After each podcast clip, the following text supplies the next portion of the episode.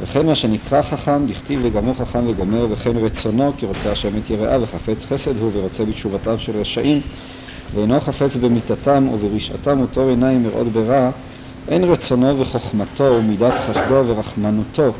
ושאר מידותיו מוסיפים בו ריבוי והרכבה חס וחלילה במהותו ועצמותו. ולעצמותו ומהותו ורצונו וחוכמתו ובינתו ודעתו מידת חסדו וגבורתו ורחמנותו ותפארתו התלולה מחסדו וגבורתו וכן שאר מידותיו הקדושות הכל אחדות פשוטה ממש שהיא עצמותו ומהותו. וכמו שכתב הרמב"ם ז"ל שדבר זה אין כוח בפה לאמרו ולא באוזן לשומרו ולא בלב האדם להכירו על בוריו. כי האדם מצייר בשכלו כל המושכלות שרוצה להשכיל ולהבין הכל כמות שהם בו. כגון שרוצה לצייר בשכלו מהות הרצון או מהות חוכמה או בינה או דעת או מהות מידת חסד ורחמים וכיוצא בהם הוא מצייר כולן כמות שהן בו אבל באמת הקדוש ברוך הוא הוא רם ונישא וקדוש שמו כלומר שהוא קדוש ומובדל ריבו רבבות עד אין קץ ותכלית מדרגות הבדלות למעלה מעלה מערך וסוג ומין כל התשבחות והמעלות שיוכלו הנבראים להשיג ולצייר בשכלם. כי המעלה המדרגה הראשונה אצל הנבראים היא החוכמה, שלכן נקראת ראשית, כי באמת היא ראשית ומקור כל חיות בנבראים, כי מהחוכמה נמשכות בינה ודעת, ומהן נמשכות כל המידות שבנפש המשכלת כמו אהבה וחסד ורחמים וכיוצא בהן, וכנראה בחוש הקטן שאין בו דעת ובכעס תמיד ואכזרי וגם אהבתו היא לדברים קטנים שאין ראוי לאהבם ושאין בו דעת לאהוב דברים הראויים לאהבם שאהבה כפי הדעת ומהמידות שבנפש נמשכות בתיבות ואותיות המחשבה שהנפש מחשבת בדבר שואבת או איך לפעול לחסד ורחמים וכן משאר מידות ובכל מחשבה שבעולם מלובשת איזה מידה מביאה לחשוב מחשבה זו מידה זו היא חיותה של מחשבה זו ומאותיות המחשבה נמשכות אותיות הדיבור ואין חיותה ממש והדיבור מביא לידי מעשה. לא נקרא עד כאן. אה, מה למעשה הדברים שכתובים כאן הם לא מסובכים, אבל ננסה קצת להגדיר. אה, למעשה מה שאדמו"ר הזקן עושה כאן, הוא לוקח את אה, המושג של האחדות שהרמב"ם מדבר עליה, האחדות של שכל משכיל ומושכל, ומרחיב אותה לתחום של המידות כולם. מה, מה, מה הכוונה של הדברים? ראשית אולי נדבר קצת ברמב"ם. עצם ההבחנה בין אה, השכל לבין אה, אה, המידות. הרמב"ם כידוע, אני אומר את זה באופן מאוד כללי, הוא מבחין בין תארי השלילה לבין תארי הפעולה. תארי השלילה של הרמב"ם הם אותם תארים שאצל ראשונים אחרים הם תארי העצמות. כלומר, הראשונים, הפילוסופים, הם דיברו על אה, שלושה או ארבעה תארים שבהם או אותם אפשר לתאר את עצמותו יתברך. כלומר, מה הכוונה במשפט שאני אומר שהם יכולים לתאר את עצמותו יתברך? פירושו של דבר שאני יכול לבוא ולומר שאומנם זאת תכונה של הקל, שאומנם הדבר הזה מתאר את הקדוש ברוך הוא. הארבעה הללו הם אה, חי, חכם, יכול, רוצה, אה, כשחלק מונים רק שלושה מהם. ארבעת התארים, לדבר על הקדוש ברוך הוא שהוא, חכה, שהוא חי, אה, כלומר שהוא קיים, שהוא חכם, שהוא רוצה, שהוא יכול, אלה לפי אותם ראשונים שהם מחייבי תארי העצמות, הם התארים שבהם אנחנו יכולים לתאר את ה... את הבורא יתברך, כשהכוונה שאומנם אני מתאר אותו, שאני יכול לומר בפה מלא על הבורא שהוא אמנם למשל רוצה. הרמב"ם כידוע לא מקבל את ה... שולל את אה, תארי העצמות כתארים חיוביים, הוא אומר שהתארים הללו הם, אני יכול לדבר עליהם כתארי שלילה, כלומר מה שהם מתארים הם לא מתארים אותו אלא מתארים מה הוא לא, הוא לא לא חכם. אה, לא ניכנס כרגע לכל, אה, לתאר, למושג של תארי השלילה, מה זה אומר, מה המשמעות וכן הלאה. בכל זאת הרמב"ם מבחין בין תארי העצמות השליליים הללו לבין תארי הפעולה. תארי הפעולה הם אה, התארים שכמו, שכמו רחום, חנון, עליהם אומר הרמב"ם שאני לא יכול לבוא ולומר על הקדוש ברוך הוא שהוא רחום או שהוא חנון. אה, למה? משום מה, מה, מה, אבל מה פירוש הדבר שכן אנחנו מדברים על הבורא יתברך כרחום? הרמב"ם מסביר את התארים הללו כתארי פעולה. תארי פעולה פירושו של דבר שהבורא יתברך נוהג באופן כזה שלו היה אדם נוהג ככה, או איך שהדבר נתפס בתפיסה האנושית, היינו מדברים על הפעולה הזאת כפעולה של רחמים. אבל אי אפשר לבוא ולומר על הבורא שהוא אמנם מרחם.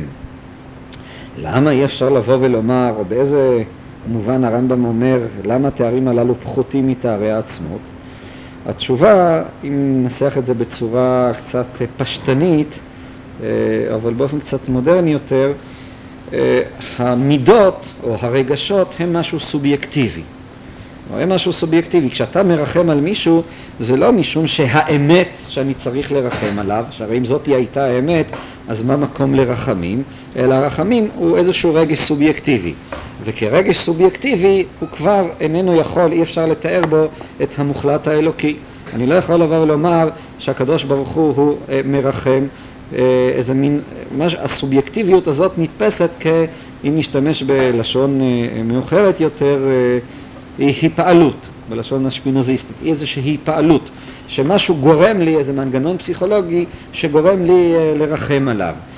זאת איזו השפעה שבאה עליי מבחוץ, זה לא משום שכך היא האמת וכך צריך להיות וזהו הצדק, כל מיני דברים שאותם הרמב"ם כן מוכן לתפוס אותם כמוחלטים, אלא הם עניינים סובייקטיביים. הסובייקטיביות אצל הראשונים נתפסה באופן חשדני מאוד. חש... למה? כיוון שיש בזה איזה צד שרירותי, איזה צד, צד לא מוחלט. אתה מרחם על זה, אני מרחם על זה, יום אחד אני מרחם, יום שני אני לא מרחם. אי אפשר לתפוס את הסובייקטיביות כמשהו, כ, כשייכת, כברת נגיעה עם המוחלט. ולכן אי אפשר לתאר את הבורא יתברך בתארים מעין אלו, שהם שייכים למידות. האדמו"ר הזקן, בעקבות הקבלה, הוא בעצם עכשיו, בפרק הזה, הוא מדבר על כך שגם התארים, החלוקה עצמה של הייתי אומר של רמות היא קיימת גם בקבלה ובחסידות. כלומר, ישנם את המידות שהן מוגדרות כמוחין, שהן החוכמה, בינה ודעת, שאפשר להקביל אותם לאותם תארים שהפילוסופים דיברו עליהם, חוכם זה חוכמה, אבל זה ממש מופיע בצורה הזאת בקבלה, כתוב יכול בבינה, הרצון עצמו מופיע בדרך כלל כספירת הכתר, זה שוב עניין נוסף בספירות שלפעמים הכתר מופיע כספירה ולפעמים הדעת, אבל לא, לא ניכנס כרגע לפרטים. מכל מקום אלה אותם תארי עצמות. מצד שני ישנם את התארים הנמוכים יותר, שהם מוגדרים כאן אצל אדמו"ר הזקן במונחים שלו כמידות, שהם הספירות של החסד, הגבורה, התפארת, נצח, עוד יסוד, שאותם אפשר להגדיר במונחים של הרמב"ם כתארי הפעולה. מה שאדמו"ר הזקן מלמד כאן, שלא רק תארי העצמות, לא רק החוכמה, אפשר לזהות אותה עם העצמות, אלא גם את אותם תארים שהם בעצם מציינים רגשות, אם ננסח או מידות, גם הם מיוחדים עם העצמות. כלומר, גם הסובייקטיביות באיזשהו מקום אפשר לזהות אותה או יכולה להתייחד עם העצמות האלוקית. הדבר הזה, אני כרוך בעוד כמה נקודות ש, ש, שצריך להבין אותן. ראשית, מושג האחדות עצמו אצל הרמב"ם הוא באמת שייך רק ביחס לחוכמה, למושג של אחדות שכל משכיל ומושכל. זאת שאלה שכבר המפרשים עמדו עליה במורה הנבוכים, מה היחס בין, ת, בין אה, תארי השלילה שהרמב"ם מדבר עליהם לבין אותו פרק ס"ח שהוא מדבר על השכל או על החוכמה, על המודעות באופן חיובי. הוא אומר שאצל הבורא יתברך אז השכל, המשכיל והמוסכם, כבר הזכרנו את הדבר פעם, הם קיימים באחדות. לכאורה מדובר כאן על שתי תורות שהן למעשה אינן עולות בקנה אחד. התורה אחת אומרת שזה רק, אינני יכול לדבר על הבורא יתברך באופן חיובי, לעומת זאת אחדות שכל משכיל ומושכל לכאורה מלמדת שהיא כן תורה חיובית, היא מדברת על האחדות של התודעה האלוקית. מה הפשר של הדבר הזה, או מה המובן של הדבר הזה? המובן של הדבר הזה, גם על זה כבר דיברנו באחד השיעורים, אני אזכיר את זה בקיצור, שהתודעה עצם התודעה עצמה היא דבר אחדותי, היא איננה דבר שיש בו שניות. מה שהופך את אותי להיות מודע לדבר, או ככל שהמודעות יותר מתגברת, כך התודעה שלי היא יותר אחת, יותר אחדותית, ואין בה שניות. כלומר, אין בה שניות של אני שחושב על.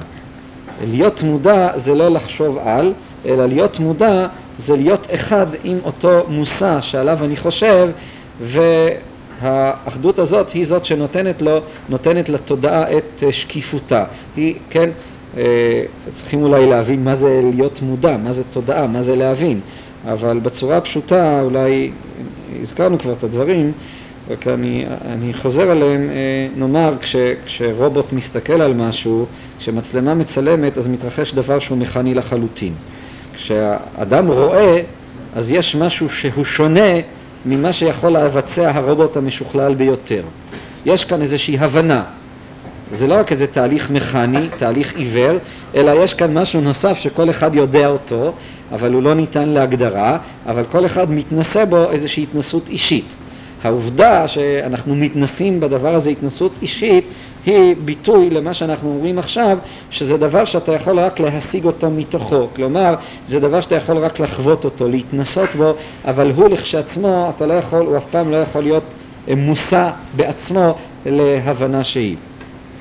זאתי אותה תודעה או הבנה, כבר אמרתי שהמושג שכל אצל הרמב"ם או דעת הוא משהו ש...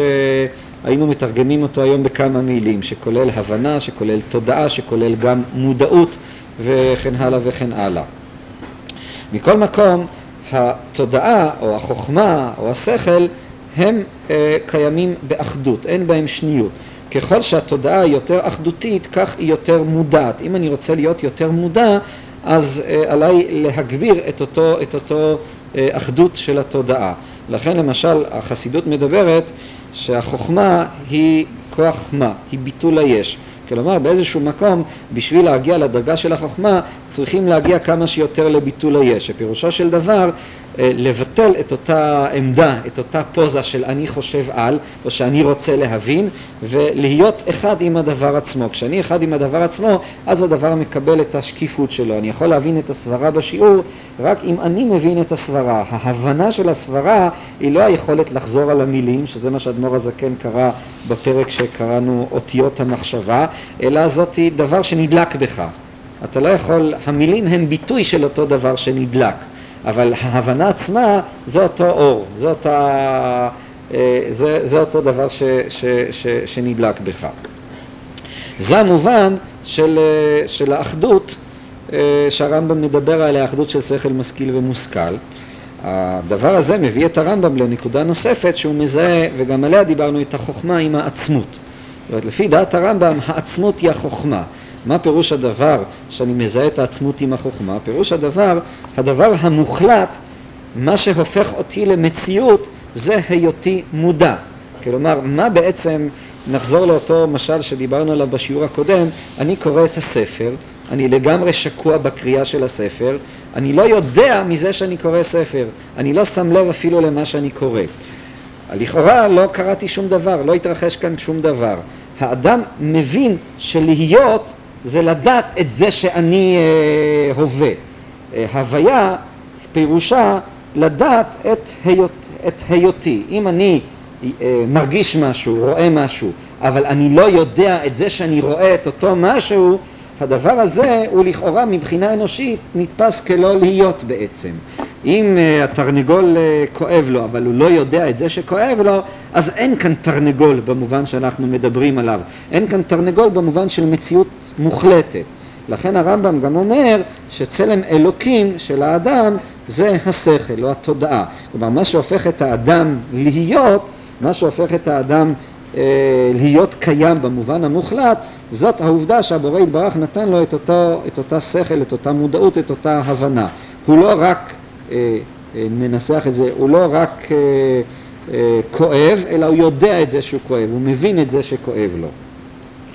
זה הזיהוי שהרמב"ם אה, אה, כמו הפילוסופים הקלאסיים, במובן מסוים הביטוי הוא גם יותר מאוחר, כן? כל אחד מכיר את, ה, את הביטוי של דקארט, אני מכיר, אני קיים. הזיהוי של הקיום עם uh, ההכרה, עם הקוגיטו.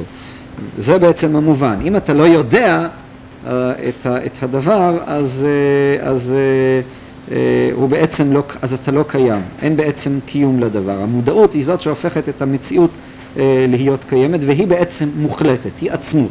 זה הזיהוי של החוכמה עם העצמות, שהיא כאמור, אה, החוכמה היא הבנה עצמית, היא לא הבנה, הבנה רגילה אנושית נמוכה היא הבנה של דבר ביחס לדבר אחר. יש לי איזה מערכת, איזה נאמר אה, לוגיקה, שהיא איזה מערכת קוארדינטות מסוימת, ואני יכול להבין את מיקומו של, אה, מיקומה של תופעה מסוימת בתוך המערכת הלוגית, זה נקרא להסביר. החוכמה כעצמות היא לא מסבירה דברים על פי דברים אחרים, אלא היא אותו אור שהדבר מובן מצד עצמו. זה, זה, אלה, אלה כל הדברים שדיברתי עליהם הם היבטים של המושג הזה של האחדות של התודעה, של האיכות של התודעה ו, ו, ו, וכן הלאה וכן הלאה. הדבר הזה כמובן יש לו השלכות uh, מרחיקות לכת משום שהמטרה של האדם היא בעצם לפתח את המושכלות לפי הרמב"ם, שפירושה בלשון קצת uh, מודרנית לפתח את התודעה שלו. כלומר, uh, משום שקיומו של האדם וגם נצחיותו תלויים ברכישת המושכלות הנצחיות, ברכישת דעת אלוקים, שהיא אותו תוכן שהוא משולב לחלוטין עם המודעות עצמה. אה, אפשר לנסח את זה, לא, לא כרגע לדבר הזה, שהמודעות עצמה היא ידיעת אלוקים. המודעות ברמתה הגבוהה היא עצמה גם ידיעת אלוקים את עצמו. זאת הדבקות בשכל הפועל שהרמב"ם מדבר עליה. אדמו"ר הזקן אה, לוקח את המושג הזה של הייחוד של הרמב"ם, שהרמב"ם מוכן לקבל אותו רק ביחס לשכל ולחוכמה, ומעתיק אותו גם ביחס למידות, גם ביחס לרגשות. כלומר, זה בעצם הטיעון שהוא טוען כאן. כלומר, גם החסד, גם, רק, רק אני אסיים את המשפט, גם החסד, גם הרחמים, גם הם יכולים להיות קיימים באותה אה, אחדות אה, של האינסוף. הם גם כן יכולים להגיע לכלל אותה אה, בהירות, שקיפות, אה, מציאות מוחלטת, אה, כמו אה, החוכמה עצמה. אה, מה זה אומר? ביחס לתודעה אנחנו מבינים את זה אה, יותר.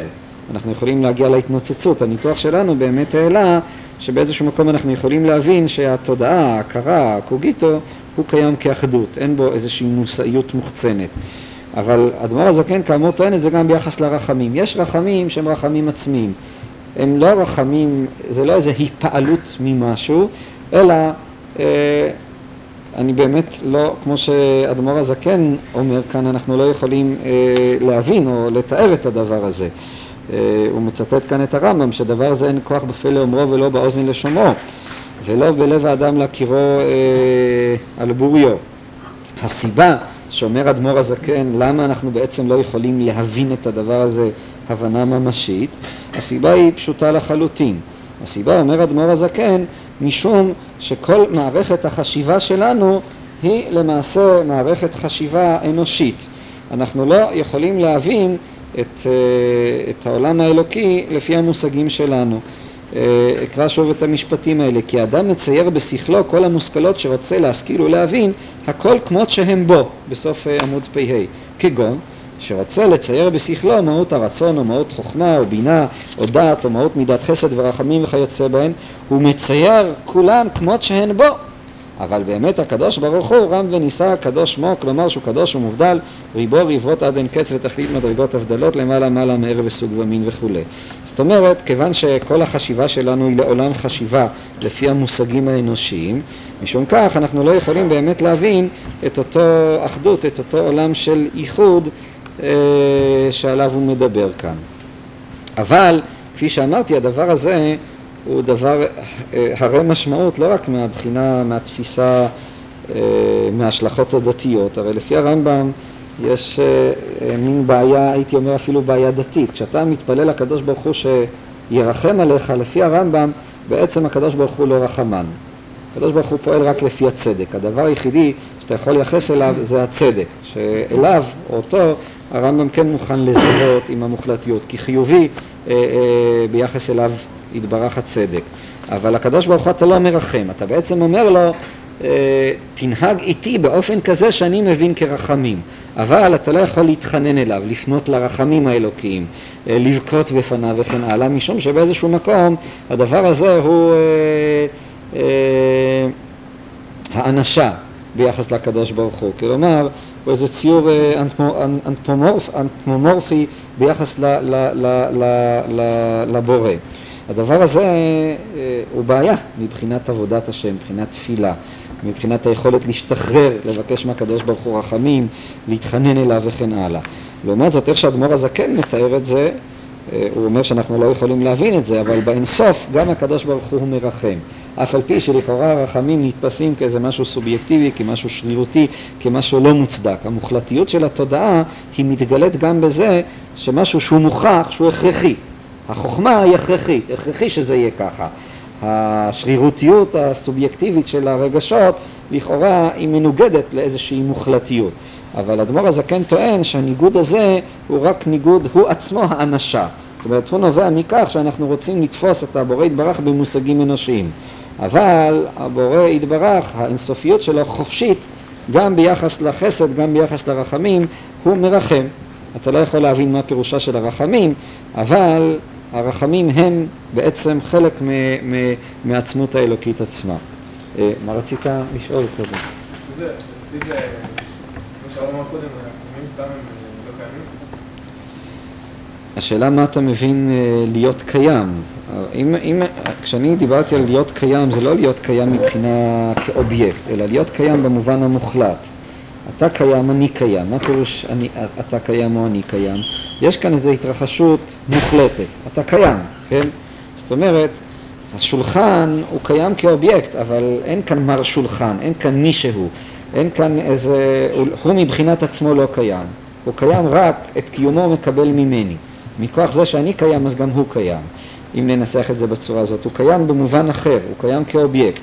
אבל כקיום מוחלט, אין לו קיום מוחלט. אין כאן, כפי שאמרתי, מר שולחן, כמו שאין גם כן מר תרנגול. גם מבחינה זאת, אה, אה, לכן אפשר לדבר על התנהגות מוסרית לפי דעת הרמב"ם ביחס לבעלי חיים. אין מקום למוסר, רק במקום שיש הבנה, שיש תודעה. זה המובן שכשאני אומר אה, שהשולחן לא קיים. בעלי חיים גם אין מודעות? לפי הרמב"ם, אז אין, גם בעלי חיים אין להם מודעות.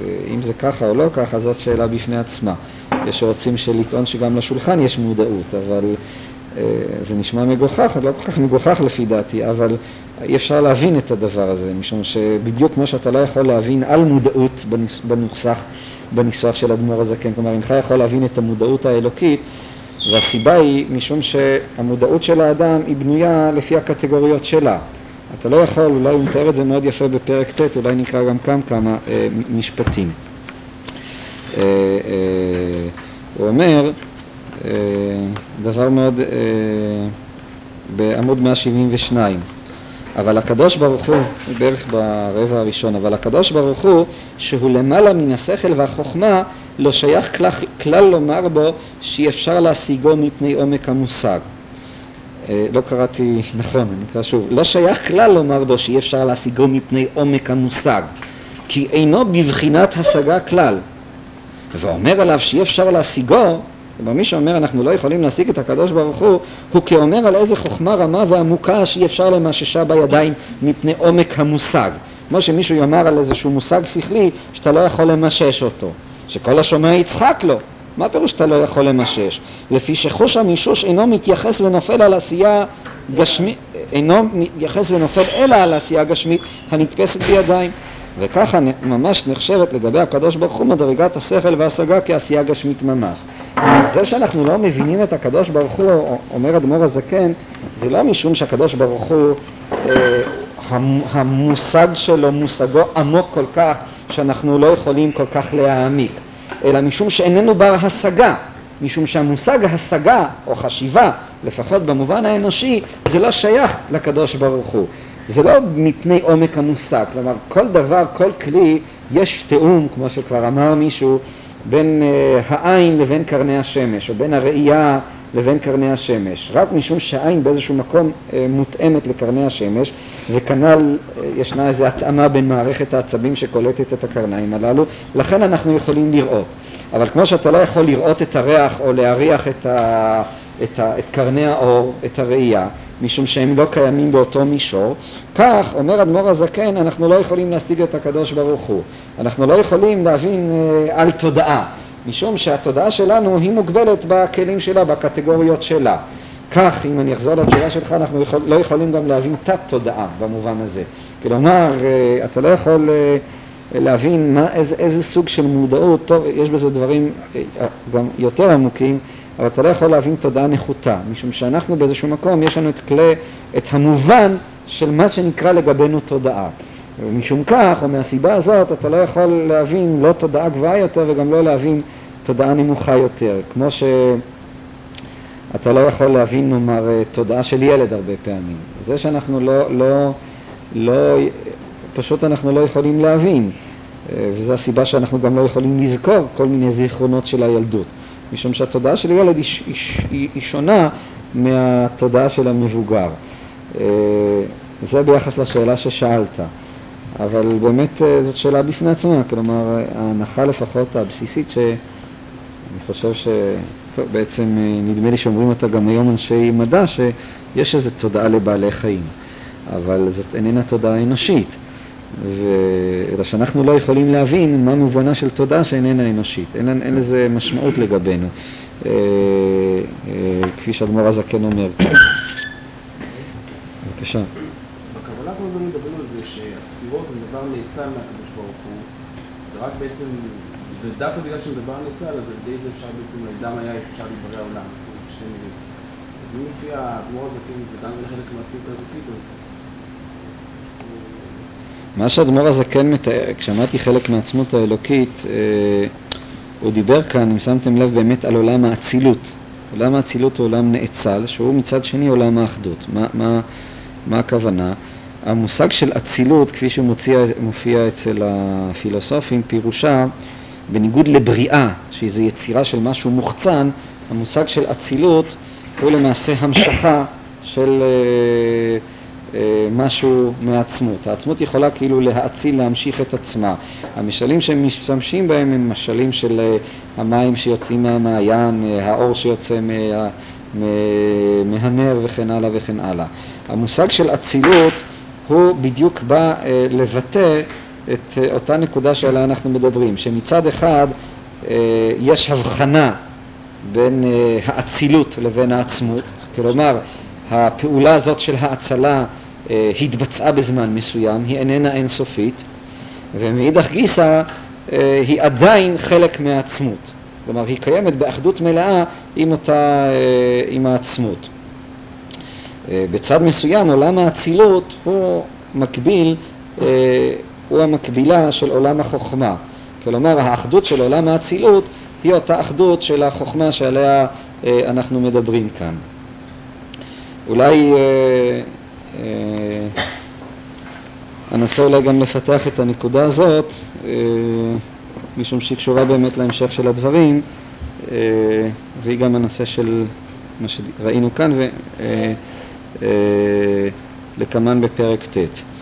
אדמו"ר הזקן חולק על, ה, על, ה, על העמדה הזאת, על התפיסה הזאת, שהעצמות מזוהה עם החוכמה. כלומר, אותה תפיסה קלאסית שהרמב"ם אומר אותה, ש... של אני מכיר, אני קיים, הדבר הזה כן חולק, הוא לא מזהה את החוכמה עם העצמות. הוא אומר בפרק שלנו שביחס לנבראים זה ככה, כי המעלה ומדרגה הראשונה אצל הנבראים היא החוכמה, שלכן נקראת ראשית, כן, אותו ביטוי שכבר רש"י, התרגום בתחילת בראשית והמדרש, בראשית בחוכמתה, ראשית חוכמה יראת השם. החוכמה היא ראשית, המודעות היא ההתחלה. זה, היא ראשית, אבל רק ביחס לנבראים, כי באמת היא ראשית ומקור כל החיות בנבראים.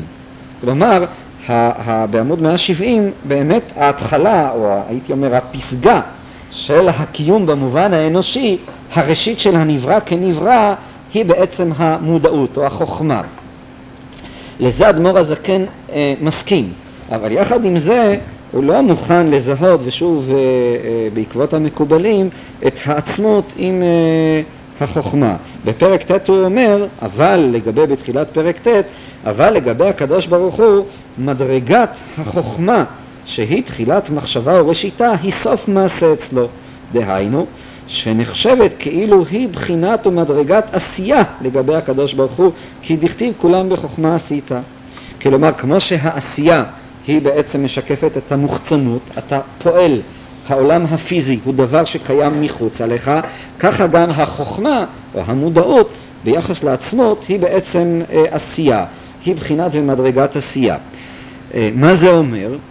זה אומר, אה, אם נתרגם את זה שוב למישור האנושי, למישור הפסיכולוגי, זה אומר, אה, שוב דבר שכבר עסקנו בו, אבל אה, נחזור עליו גם בהקשר הזה, שהעצמות עצמה או הנפש עצמה היא טרנסצנדנטית ביחס לחוכמה, או ביחס למה שאתה יכול לדעת או אתה יכול להכיר. מה אני מתכוון לומר? אני מתכוון לומר ש... וזאתי הבעיה, הבעיה המעניינת, כן? מה אני, אני בעצם אף פעם לא יכול לדעת. את עצמותי אף פעם אני לא יכול לדעת. למה? משום שהידיעה או לדעת משהו זה כבר לדעת לפי קטגוריות מסוימות, כפי שלמדנו בהמשך של פרק ט'. כיוון שהעצמות שלי עצמה היא מעל ומעבר לקטגוריות של ההבנה של התודעה, העצמות עצמה היא טרנסצנדנטית, היא מעל, מחוץ לתודעה, לכן בעצם אף פעם אתה לא יכול לדעת את מה שאתה באמת.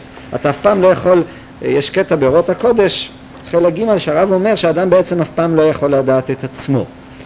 אה, זה, זה דבר אה, מאוד מעניין. בצד מסוים אנחנו רגילים למחשבות הללו אה, בעקבות פרויד, כן, שיש איזה תת מודע וכולי. אבל כאן זאת איננה טענה שישנם דברים שאתה מדחיק אותם, אלא ישנה טענה יותר מרחיקת לכת. ישנה כאן טענה שבעצם אתה אף פעם לא יכול להכיר או להגיע לכלל מודעות של עצמך, משום שעצמך הוא מעל ומעבר לאיזושהי קליטה של uh, הכלים של, של, של, של ההבנה או של המודעות. נוכל להמחיש את זה באותו משל שהשתמשנו בו גם כן בשיעור הקודם. אותו ספר שאני הייתי שקוע בקריאתו, הייתי מרותק אליו לחלוטין, אבל הייתי במצב של חוסר מודעות מוחלט. כלומר, לא שמתי לב בכלל למה שאני קורא. עד כדי כך שאחרי שגמרתי לקרוא מישהו בא וטלטל אותי ככה, הוציא אותי החוצה, אז אני ככה נדהמתי. הוא שואל אותי מה קראת, ספר לי, אני בהתחלה בכלל ש... לא, לא זוכר, לא זוכר לא את שם הגיבור ולא איך הוא נראה ואפילו העלילה נשכחה. אבל מצד שני, האם, אני לא יודע מה קרה כאן, אבל האם אפשר לומר שלא קראתי את הספר? קראתי, עברו עליי חוויות אה, אדירות ועזות, הייתי בהתרגשות עצומה, במתח עצום, אבל אני בכלל לא ידעתי מה שקורה כאן, הייתי חסר מודעות אה, כמעט לחלוטין, ככל שהספר יותר מרתק, כך בעצם לא שמתי לב למה שקורה כאן. אז מה זה הפרדוקס הזה? מאיפה זה נובע? זה נובע מתוך אותו פרדוקס שעליו אנחנו מדברים, שבעצם עצמות הנפש, שזה אתה עצמך, הדבר הזה, העצמותיות עצמה, היא הנפש, לפי אדמו"ר הזקן, כמו גם אה, הקדוש ברוך הוא, הוא טרנסצנדנטי, וזה בעצם אותו דבר עצמו, הוא טרנסצנדנטי ביחס לחוכמה, ביחס לתודעה. התודעה היא כבר גילוי של העצמות, אבל היא אף פעם לא יכולה להשקיף ולקלוט את אותה עצמות, בדיוק כמו שהוא אומר כאן, שאתה לא יכול למשש את החוכמה, את המודעות בידיים. מי שינסה לחשוב על המודעות במונחים פיזיים, הרי הוא מצחיק. ככה מי שמנסה לחשוב על העצמות במונחים אה, של התודעה, במונחים של השכל, הוא גם כן אה, מגוחך באותה מידה עצמה. הרמב"ם הזה מדבר על, על ההבנה של המושכלות האלה, אז אה, הם גם נהיים ברמה, ברמה הגבוהה הזאת שבעצם הוא מעבר להבנה, זאת אומרת, זה, זה משהו כל כך מופנם, חבר. הרמב"ם לפי, לפי אדמו"ר הזקן, אז הוא מדבר בעצם, לא, הרמב"ם לא מודה במושג של עצמו, יש כאן מחלוקת בין המקובלים והחסידים לבין הרמב"ם ו, ו, ואלה שהולכים בשיטה הפילוסופית הזאת. זה מאוד אופייני שפילוסוף אה, יזהה את אה, העצמות עם השכל, הרי זה המקצוע שלו, אבל אה, אה, הרמב"ם לא מדבר על זה, הרמב"ם מדבר על זה שהעצמות, להיות זה לדעת שאני. וככל שאתה, אה, מודעותך מתגברת, ככה אתה יותר. אתה יותר הוויה. יש כאן זיהוי בין המחשבה לבין ההוויה, הוא הזיהוי הקלאסי של הפילוסופים. האדמו"ר הזה כן חולק על הדבר הזה, למשל, נאמר בשיטות המודרניות יותר, זה בא לידי ביטוי בשיטה הפילוסופית האקסיסטנציאליסטית. האקסיסטנציאליסטים טוענים שאין לזהות את האקסיסטנציה, את הקיום, עם האסנציה, עם המהות. כלומר, בדרך כלל אנחנו חושבים שהדבר זה אותה, המהות של הדבר זה הדבר עצמו. מה שהאדמו"ר הזקן כאן מלמד, והפילוסופים האקסיסטנציאליסטים מסכימים לו, שהקיום קודם למהות. המהות שהיא שייכת לתחום של ההבנה, של התודעה, של ההגדרה, היא בעצם תוצאה של הקיום. ביחס לקיום אתה לא יכול, בעצם הקיום, זה הדבר היחידי שאתה יכול לעשות ביחס לקיום זה לחיות אותו, להיות אותו, להיפתח לגביו, אבל בסופו של חשבון הוא זה שקובע את המהות. זה לא שאתה יכול להגדיר את המהות, אני לא יכול להגדיר את המהות שלי, משום שאין לי מהות. מהות, אין, אין דבר כזה, אני לא יכול להגדיר את עצמי. אני אה, קיים, אני ישות, אני עצמותיות. העצמותיות הזאת היא באה לידי ביטוי במהות. אבל המהות, כלומר מה, מה, מה אני, הדבר הזה, אפילו בצורה הכי זכה, מזוככת שלו וגבוהה שלו, הדבר הזה בעצם הוא איננו מה שאני. זה לא, אני הפתעה. אני לא יכול, אני אפילו, עד כדי כך זה מגיע שאני בעצם לא יכול לדעת מה אני. זאת אומרת, אני לא יכול אה, באיזשהו מקום אה, לצפות מראש. איך אני בכל זאת יכול לצפות מראש? זה רק אם אני מסלף את עצמי. כלומר, אם אני תופס את מהותי כעצמותי, אם אני נותן לגיטימציה יחידה, החלטיות רק לשכל, בדיוק כמו שפתחנו שהעצמות יכולה להיות מתוארת רק במושגים של, ה, של, ה, של, ה, של התודעה, של הרציו, של החוכמה, אז באיזשהו מקום אני חוסם את עצמי, אז באיזשהו מקום אני כולא את עצמי. אבל הדבר הזה הוא רק מקפח בעצם את, אה, את קיומי, את האקסיסטנציה האמיתית שלי, שהיא מבחינה זאת אה, חופשית לחלוטין, כלומר אני לא יכול אה, בעצם לדבר עליה. יותר מזה, מה שיוצר את המחשבה זה בעצם העצמות עצמה. כלומר, מה גורם לי להבין משהו או לחשוב משהו, זה איזשהו דבר שמגיח מעצמות הנפש שלי, אבל שם אה, אני בעצם לא יודע, זה כאילו הפרדוקס שיש בתוך העניין הזה. הראשית של הנבראים, התודעה העצמית שלי, מה שגורם לי להיות במובן האנושי, זאתי החוכמה. החוכמה היא ההתחלה של הבריאה, אבל החוכמה היא איננה העצמות עצמה. העצמות עצמה זה האינסוף האלוקי או עצם הנפש שכאמור היא טרנסצנדנטית, אה, אני בעצם לא יכול לדבר עליה כעל מושג, כעל מושג זה מושג ריק, אין לו שום תוכן, אין לו שום מהות. אבל מצד שני הוא בא לכלל ביטוי וגילוי אה, בכל מה, ש, מה, ש, מה שהאדם עושה.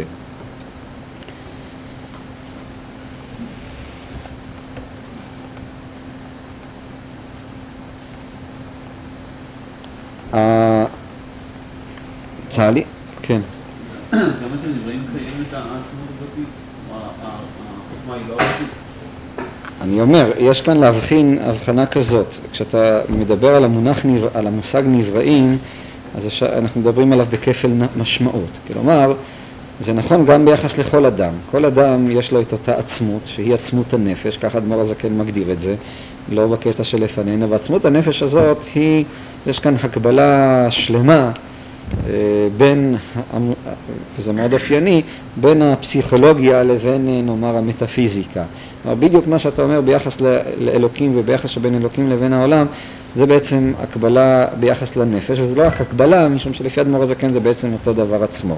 כלומר, האדם הוא חלק אלוקא ממעל. עצמות הנפש היא עצמה, העצמות עצמה, היא העצמות האלוקית. אבל כשאנחנו מדברים, זה משמעות אחת. אבל כשאנחנו מדברים על נבראים, אנחנו מדברים במובן של תודעה אנושית, של מה שמכונן אותי כאדם בעל תודעה עצמית וכולי. במובן הזה, אז כמו שאדמו"ר הזקן כאן אומר, אני מתחיל בתודעה, משום שמשהו שמעבר לה הוא חסר אה, משמעות לגביי. אני יכול להבחין בזה רק דרך ההתגלות של הדבר, הגילוי של הדבר, אבל אף פעם אני לא יכול לכונן את המבט שלי באיזה כינון ישיר ולתפוס את זה, משום שכמו שהוא תיאר מקודם, הכלים שיש לי הם אה, אינם כאלה שיכולים לתפוס את, ה, את, ה, את התופעה עצמה. לא בטח שזה אנושי. החוכמה היא לא הראשית של כל... היא... אמרתי, היא הראשית של הנברא כנברא, היא ראשית התודעה האנושית. מה שמבחינה אנושית מוגדר כלהיות, מוגדר כקיים, לגביי, לגביך, לגבי כל אחד מאיתנו, זה בעצם לדעת שאני קיים, להיות מובן שאני קיים. אה, להבין את זה שאני קיים. בלי זה, אז אין לזה מובן מבחינה אנושית. הרי זה אותו פרדוקס, איך בעצם מספרים לי שאני משהו שאני אף פעם לא יכול לדעת מזה. אז מה זה אומר? זה לא אומר שום דבר. אה, זה בדיוק אותו פרדוקס שאני קורא את הספר ויש לי חוויות אדירות ואני בעצם לא יודע מזה. אז אם אני לא יודע מזה, אז מה יש לי מזה? אז בעצם בזבזתי את הזמן, באמת בזבזתי את הזמן. זאת בדיוק השאלה שניצבת כאן. מבחינת התודעה האנושית, אז החוכמה היא הראשית, היא התחלת, היא מקור החיות של הנבראים, כלומר היא זאת שהופכת אותם להיות חיים, להיות קיימים, במידה שהם מודעים, אז בזה מגבירים את קיומם. יחד עם זה, כפי שאני אמרתי, העצמות או הנפש עצמה, היא איננה מזוהה עם התודעה, היא איננה מזוהה עם החוכמה. בעצם לא, לא, יכול, אה, לא יכול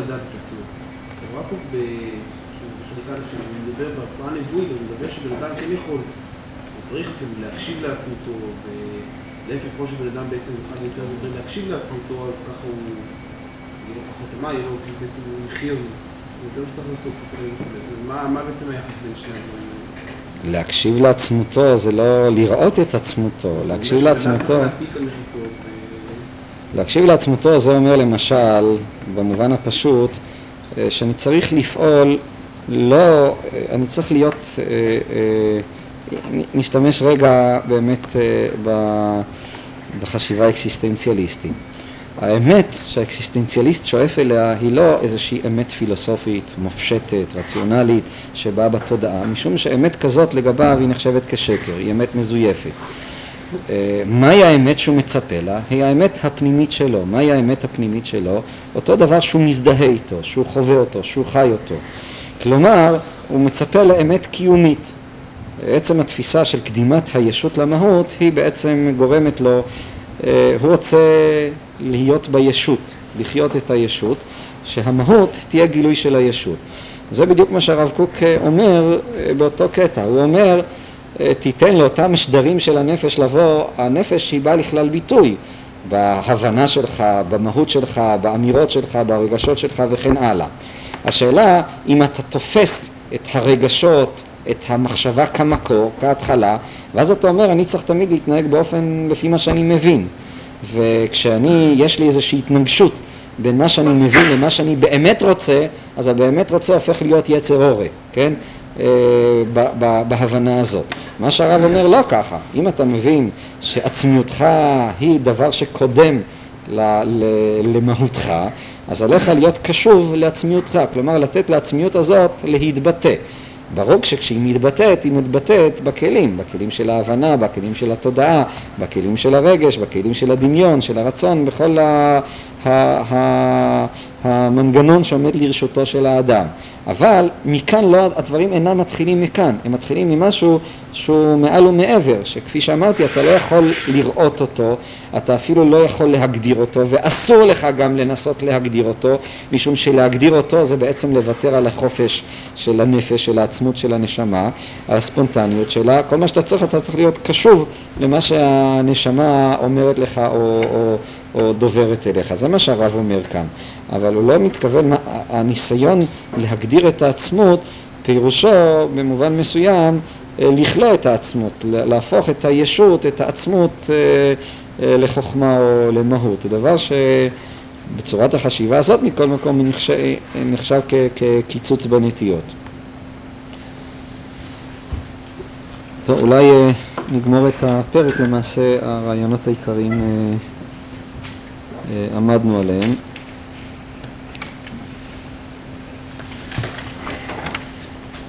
יש כאן אולי עוד נקודה אחת שראוי אה, לעמוד עליה, אבל הוא מתאר למעשה את התהליך של ההשתלשלות של האדם, של המציאות של האדם, כי המעלה ומדרגה הראשונה, אני קורא בעמוד 170, אצל הנבראים, היא החוכמה, שלכן נקראת ראשית, כי באמת היא ראשית ומקור כל החיות בנבראים, כי מהחוכמה נמשכות בינה ודעת, ומהן נמשכות כל המידות שבנפש המשכלת, כמו אהבה וחסד ורחמים וכיוצא בהם, וכנראה בחוש, שהקטן שאין בו דעת הוא בכעס תמיד ואכזרי, וגם אהבתו היא לדברים קטנים, שאין ראוי לאהבה מפני שאין בו דעת לאהוב דברים הראויים לאהבה, שאהבה כפי הדעת. זאת אומרת, כאן ישנה אה, בעצם איזו תובנה חב"דית מאוד בסיסית, אה, שאני חשבתי לדבר עליה בשיעור הבא, אולי נתחיל כבר בשיעור הזה. אה, אה, לדון בנקודה הזאת בהמשך. מכל מקום, אה, מה שהאדמו"ר הזקן כאן אומר שהאהבה היא כפי הדעת. כלומר, שהדעת של האדם היא גם גורמת לו, או ממנה נמשכות המידות שבנפש, שבנפש המשכלת. זה עוד הגדרה, איזה מין מעמד ביניים של נפש משכלת, אבל לא, גם לזה לא ניכנס כרגע, מה זה בדיוק נפש, מה היחס בין נפש המשכלת לנפש הבהמית והנפש האלוקית שעליהם דיברנו. מכל מקום, אה, מה שהוא אומר כאן שהרגשות של האדם, המידות שלו, אהבה, חסד, רחמים, הם תוצאה של ההבנה שלו. אה, קטן, אז שאין בו דעת, אז הוא בכעס, תמיד ואכזרי, וגם אהבתו היא לדברים קטנים. ככל שהמודעות של האדם מתרחבת, ככה גם האהבה שבו היא מתגדלת מצד אחד וגם היא הופכת להיות אהבה אה, אה, לדברים שראוי לאהוב אותם. לכן העבודה שאדמו"ר הזקן מטיף אליה היא העבודה של ההתבוננות. אם אתה תתבונן או באמצעות ההתבוננות אז אנחנו נוכל אה, באמת להגיע אה, לפתח את המידות. ככל, שהמידות, ככל שההתבוננות שלנו יותר אה, עמוקה, רחבה, יותר אה, הופכת להיות אה, פנימית, ככה גם המידות שלנו הן אה, מושפעות. המידות הן תוצאה של ההבנה, של ההכרה הפנימית של האדם. כל אדם יש לו איזושהי הכרה פנימית, והרגשות שלו הן תוצאה של אותה הכרה פנימית, מה שמוגדר כאן. בעצם הוא מאמין בחומר, הוא מאמין ב, ב, בחשיבות של הדברים החומריים. וכתוצאה מזה גם אה, נגרמות, אה, גם הרגשות שלו אה, מופעלים, הרגשות שלו גם כן מופעלים מתוך הדעת שלו. ולכן גם אם אמנם הוא ידבר על כל מיני דברים גבוהים, אבל בסופו של חשבון מה שהוא באמת ירגיש, הוא ירגיש, אה, אה, ההרגשה היא תוצאה של ההכרה שלו, של הדעת שלו, של, הד... של, של הדעת הפנימית שלו. אה, זה, זה, זה שוב, ולכן המטרה או העבודה העיקרית שהדבר הזה כן מדבר זה עבודה של פיתוח הדעת, של פיתוח ההבנה של האדם. הדעת הזאת או המחשבה הזאת או, או מתוך המידות נמשכות אותיות המחשבה כפי שהוא אומר בהמשך וכן בשאר המידות ובכל מחשבה שבעולם אה, מלובשת בה איזה מידה מביאה לחשוב מחשבה זו. גם כאן יש אה, תובנה מאוד מעניינת שאותיות המחשבה שימו לב שישנה הבדל בין מה שדיברנו קודם, החוכמה, הבינה והדעת, שזאת היא המודעות או ההבנה הפנימית של האדם, לבין אותיות המחשבה. אותיות המחשבה זה הדיבור שאני חושב אה, בשכל. הדיבור של השכל מוגדר כאותיות המחשבה. יש הבדל בין הדיבורים שאני מוציא החוצה לבין הדיבורים שהשכל שלי, הרי השכל שלנו כל הזמן מדבר. עכשיו מה שהאדמו"ר הזקן כאן אומר, שהדיבור השכלי הזה אותיות המחשבה הן נמשכות מהמידות.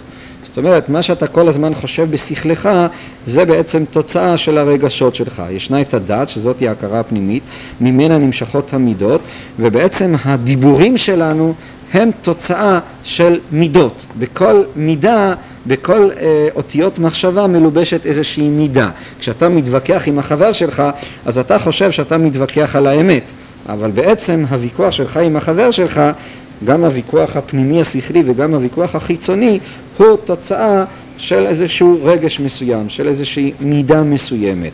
זה אותיות המחשבה. יש להבחין בין המודעות או החוכמה שאדם יכול להגיע אליה כתוצאה מהריכוז הפנימי שלו, שזה כבר המובן של איזושהי אמת, לבין, אה, אה, לבין, לבין אה, אה,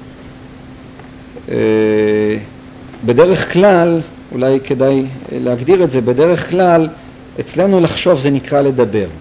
לחשוב אצלנו זה בעצם לדבר, לדבר בשקט בפנים או לדבר בחוץ. אבל המחשבה, אומר אדמו"ר הזקן, היא בעצם דבר הרבה יותר גבוה, היא החוכמה, היא הבינה שעליה דיברנו מקודם.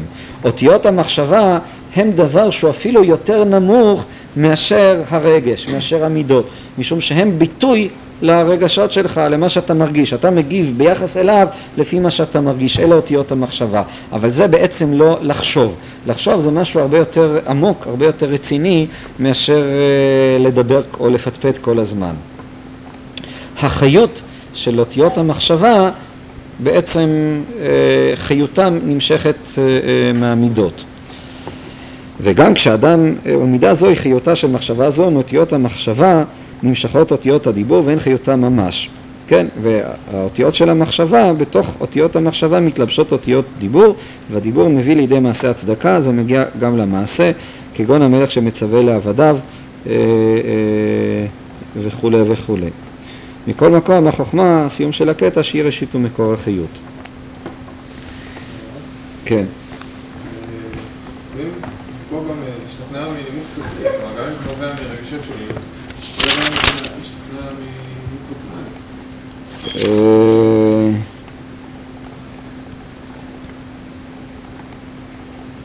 אתה שואל או שאתה אומר? אני חושב שזה לא נכון. מה? אני לא חושב. כל א', אנחנו, המחשבה שיש משהו רציונלי זה בכלל לא ברור, כן? זאת אומרת, כל מחשבה היא בעצם ראשית כל, לא פגשתי כמעט בן אדם שמשתכנע מנימוק רציונלי. בני אדם משתכנעים בגלל שהם רוצים להשתכנע, זה הכל. ואם לא רוצים להשתכנע, לא יעזור לזה שום דבר. מה? אני לא אומר שבני אדם לא משתכנעים. השאלה למה הם משתכנעים. אני טוען שהם משתכנעים בגלל uh, מעט מאוד בני אדם עם בעלי חשיבה. טוב, אבל זה כבר שייך לרמה של החוכמה, לרמה של איזושהי מודעות, שבדרך כלל מודעות זה גם דבר שבדרך כלל אין לנו אותו, היא קיימת בכוח, כמו שהרמב"ם מגדיר, כשכל בכוח, אבל אין לנו מודעות. מודעות, מודעות זה דבר שאתה יכול להגיע אליו, אבל בדרך כלל הוא לא קיים אה, אצלנו. אה, בדרך כלל אנחנו מדברים, אנחנו קיימים ברמה, הייתי אומר אפילו הרמה התת-רגשית. אנחנו אפילו לא מרגישים, אפילו עולם הרגש אצלנו, הרגש העמוק הוא לא מפותח. אצלנו להרגיש זה יותר לדבר, אם, אם ננסח את זה בצורה הזאת. עכשיו, כששני בני אדם, תסתכל על ויכוח פשוט. אה, אתה מתווכח עם החבר שלך בסדר. אתה באמת שמת לב מה הוא אומר, מה מונח אחרי הדברים שלו, ולמה הוא אומר מה שהוא אומר, ואז אתה בא ושואל את עצמך, ולמה אני מתנגד לו? הרי זה איזה מין דו-קרב כזה. הוא, הוא אומר משהו, זה יוצר בך איזשהו רגש, ואתה בא ומגיב, ומטיח מטיח מילים, והוא, זה כל הוויכוח. בסופו של דבר מי מתגבר על השני? מתגבר על השני מישהו אולי שהאנרגיות הנפשיות שלו יותר חזקות, שהדיבור שלו יותר... לא, אני מתכוון ברצינות, תסתכל על הוויכוח, שבין שנינו עכשיו, תסתכל עליו, כן? נסה לתפוס עמדה ולהיות מודע למה שהולך כאן ותראה שזה בעצם דבר שמוכיח את עצמו. כל אחד יש לו איזושהי עמדה והניסוחים הם בדרך כלל ביטוי של אותו רגש. הרציונליות הזאת שאתה מדבר עליה היא לגמרי לא רציונלית, היא בעצם איזו צורה של רגש שמנוסח בקטגוריות אה, של אותיות המחשבה. אה,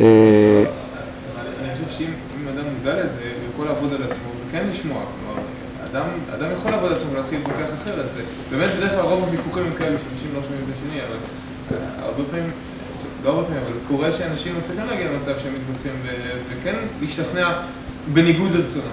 לא, זה אני מסכים איתך לחלוטין שיש דבר כזה. הרי זה בדיוק מה שאני אומר, אבל אה, הוויכוח בינינו הוא לא בשאלה על מה שיכול להיות, הוא בשאלה על מה שקיים. מה שקיים בדרך כלל זה הרמה של אותיות המחשבה. שהיא, כפי שהוא, היא עוד פחות מעולם הרגש.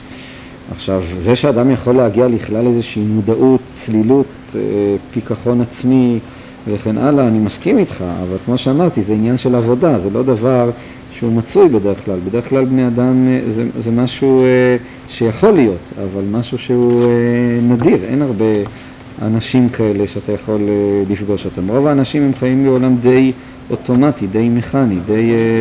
מה? אני מסכים. השאלה אבל כפי שנאמר כאן, אה, האם לראות ברציונליות את אה, גולת הכותרת, את הפסגה, זאת היא השאלה אה, הנוספת שיש כאן. מדובר כאן על איזושהי עצמות שהיא אה, אה, מעבר לאותו, לאות, אפילו מעבר למודעות עצמה.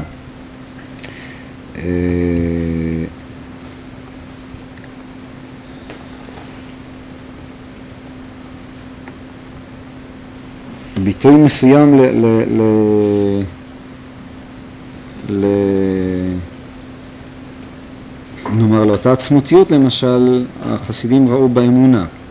האמונה היא כבר כוח של עצמות הנפש, היא איננה עצמות הנפש עצמה, אבל היא לבוש של עצמות הנפש. למה? משום שהאמונה יש בה אה, את אותו ביטוי, אני בעצם לא יודע למה אני מאמין. אם יש לי סיבה, כפי שהם לימדו להאמין, יש לי הוכחה, אז אני לא צריך להאמין. האמונה שהיא דבר שמאוד שולט בחיים שלנו, אנחנו בעצם מאמינים בהרבה דברים, אז היא ביטוי, למה אתה מאמין, אתה לא יכול בעצם לדעת למה אתה מאמין, אלא זה פקט, זאת עובדה. האמונה היא גיחה ישירה של אותה עצמות שאתה לא יכול אף פעם להכיר אותה.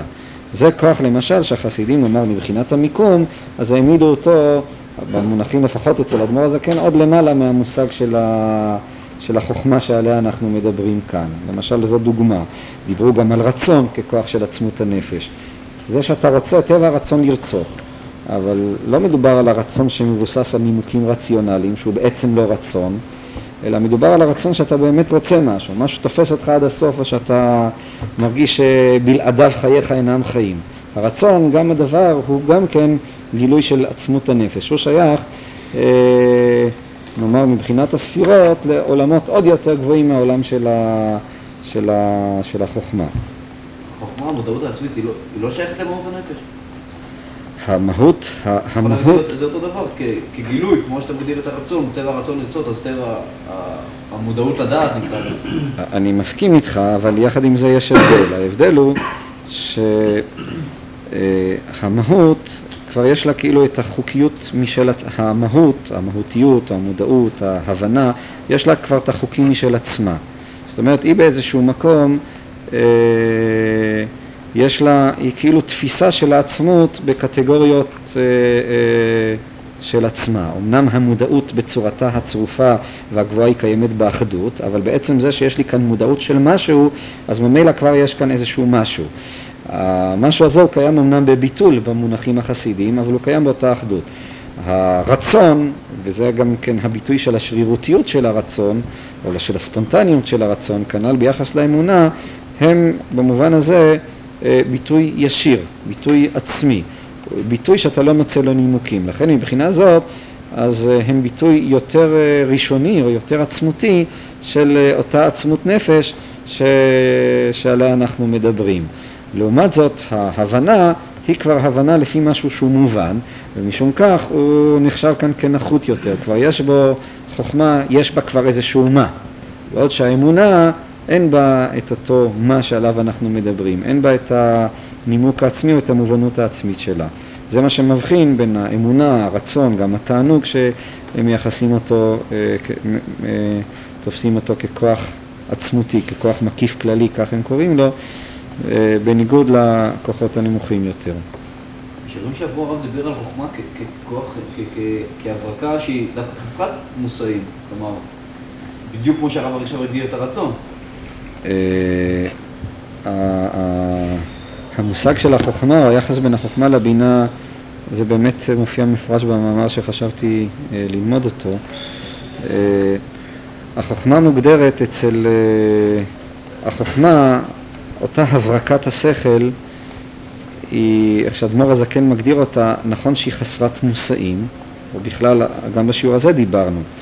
היא חסרת מושאים במובן הזה אה, שהיא, ש, ש, אם נדבר על התהליך של, ה, של, ה, אה, של החוכמה, אז באה אצלי אותה הברקה. ההברקה הזאת נתפסת אצלהם כאיזושהי אה, אה, ההבנה בצורתה הפוטנציאלית. כלומר, באיזשהו מקום, אחרי שהבריק לי אותו דבר, אני עובד קשה, ואני אה, מנסה עכשיו לטרוח ולהבין את מה שהבנתי באותה הברקה. כן, זה התהליך שמתארים אותו. החוכמה היא באמת אה, איזשהו גילוי, איזושהי גיחה גם כן של עצמות הנפש, אבל כחוכמה אני מבין את זה שהבנתי. אמנם היא הבנה טהורה, אבל כמו ארכימדס שצעק אה, מצאתי, אני יודע שמצאתי. זאת אומרת, יש לי כאן איזו ידיעה של משהו שמצאתי, שגם היא נתפסת רק כאיזה משהו אה, היולי במונחים שלהם, משום שעדיין לא עבדתי על הדבר, עדיין לא נתתי אה, לדבר את הלבושים שלו, עדיין לא עבדתי על מה שבעצם הבנתי. הדבר הזה הוא שייך כבר לתחום של הבינה, להבין את מה שהבנתי בחוכמה. אבל יחד עם זה, החוכמה כבר יש בה את מה שקיים בבינה כפוטנציה, כפוטנציאליות. יש בה כבר משהו, היא כבר יש. כלומר, יש בה איזושהי מובנות, יש בה את אותו אור. בעוד שהאמונה, אה, כפי שהגדרתי אותה מקודם, אין בה את אותה מובנות. מבחינה זאת היא פשוט אמונה, זה הכל. היא לא יותר מזה ולא פחות מזה, היא קיימת עם עצמה אה, לחלוטין. לכן מבחינה נכון, וזה מה שלמדנו כאן, שהעולם של החוכמה הוא עולם של אחדות, עולם שאין בו שניות, אין בו מושאיות. אבל מצד שני, ההגדרה הנכונה יותר לגביו אולי היא שהמושאיות היא קיימת לגביו, אה, היא, היא קיימת בביטול היש, היא קיימת לגביו באיזושהי אחדות. אבל הוא עדיין משהו, יותר מזה, הוא המה החזק ביותר, הקיים ביותר, הממשי ביותר, כפי ש... כל מי שחש אי פעם איזו תחושה חריפה של מודעות או של הבנה, אז הוא מרגיש שאז הישות שלו קיימת, אה, אז הוא הכי הרבה קיים, הוא הכי הרבה יש, הכי הרבה, אה, אה, יש לו הכי הרבה מציאות, אם ננסח את זה בצורה הזאת. גם הרצון וגם האמונה, מה שהרב קרא, עובר את אותו תהליך בדיוק אחר כך. כלומר, אתה יכול להגיד שבפוטנציאל זה קיים גם קודם, אני לא מבין למה, למה. ההבדל הוא כזה שהרצון בסופו של חשבון הוא נשאר שרירותי. אה, ברמות הנמוכות הרצון נתפס כקריזה. בא לי קריזה, מה אתה תעשה לי? זה הרצון, אין לו לבושים, הוא קריזה. הוא איזה מין אה, דבר שנחת וכנ"ל באמונה. אני הייתי רוצה לא להיות, לא להאמין. מה אפשר לעשות שאני מאמין? אה, אני לא יכול לעשות כנגד זה שום דבר. זאת אומרת, זה מבטא את העובדה שאין בסופו של חשבון לדבר הזה כלים או לבושים באותו מובן שהחוכמה היא, הופך, היא מובנת, היא הופכת להיות מוארת, היא מובנת לעצמה, היא מוגדרת לעצמה, היא מודעת לעצמה. בעוד שהרצון הוא רצון, אני רוצה, יש לי את הרצון החזק. האמונה היא אמונה. זה מה שמבחין ביניהם. בצד מסוים השרירותיות של האמונה או של הרצון זה דווקא מה שהופך אותה ליותר גילוי של עצמותיות. זה, זה מה שמבחין, אני מסכים שיש כאן איזושהי היררכיה, גם הרצון וגם האמונה אה, הם גם כן דבר שכבר אני, אני רוצה משהו, כן? אני מאמין במשהו, אבל יחד עם זה, אה, מבחינה זאת יש בהם, הם יותר, אה, או נבחן את זה ככה, החוכמה לא יכולה להבין את האמונה לפי החסידים, והיא גם לא יכולה להצדיק את הרצון.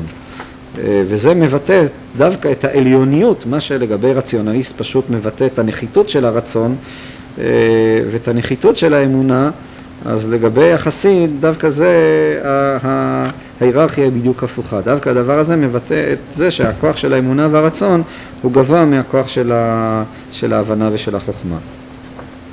טוב, אני חושב שנסיים כאן היום.